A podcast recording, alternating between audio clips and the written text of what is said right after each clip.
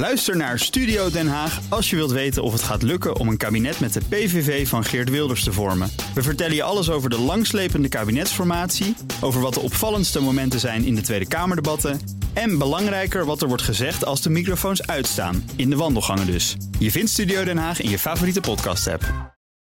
De column van Paul Lasseur.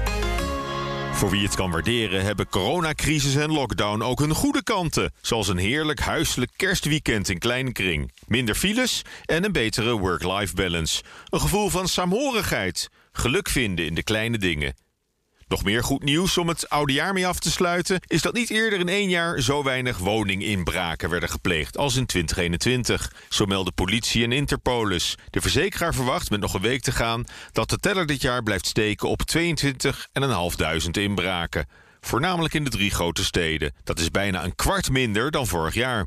Dit heugelijke laagterecord heeft natuurlijk alles te maken met de coronalockdowns. Want juist in de maanden dat alles dicht was en iedereen moest thuisblijven, werd opvallend weinig ingebroken. Blijkt uit de inbraakbarometer. Traditiegetrouw loopt het aantal inbraken altijd weer wat op in het najaar, richting een eindejaarspiek. Maar ook die stijging is de laatste weken stilgevallen door de nieuwe lockdown. We kunnen gerust vaststellen dat ook het inbrekersgilde hard is geraakt door de coronamaatregelen van het kabinet.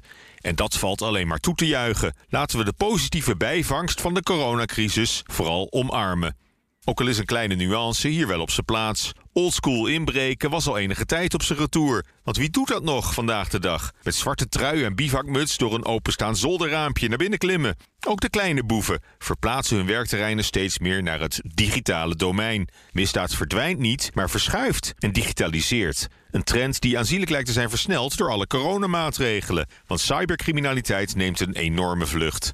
Zowel zakelijk als privé neemt de online dreiging juist gigantisch toe. En door het massale thuiswerken zijn we alleen maar kwetsbaarder geworden voor allerlei soorten aanvallen via internet.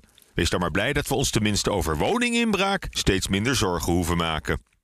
De economie intussen blijkt nog harder te zijn gegroeid dan we al wisten. Het CBS verhoogde vrijdag zijn groeicijfer voor het derde kwartaal van 1,9 naar 2,1 procent. Consumenten en overheid gaven meer geld uit en bedrijven maakten meer winst.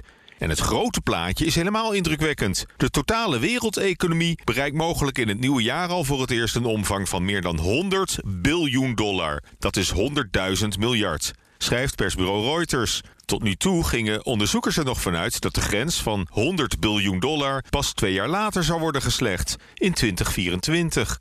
Het grootste risico is momenteel dat de economie te hard groeit, met hoge inflatie tot gevolg en schaarste aan grondstoffen, goederen en arbeidskrachten. Dat is geen crisis, maar een luxe probleem. Prettig nieuwjaar!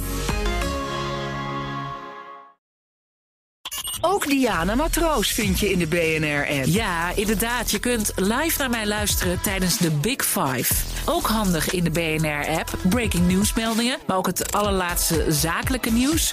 En je vindt in de app alle BNR-podcasts, waaronder Wetenschap Vandaag. Download nu de gratis BNR-app en blijf scherp.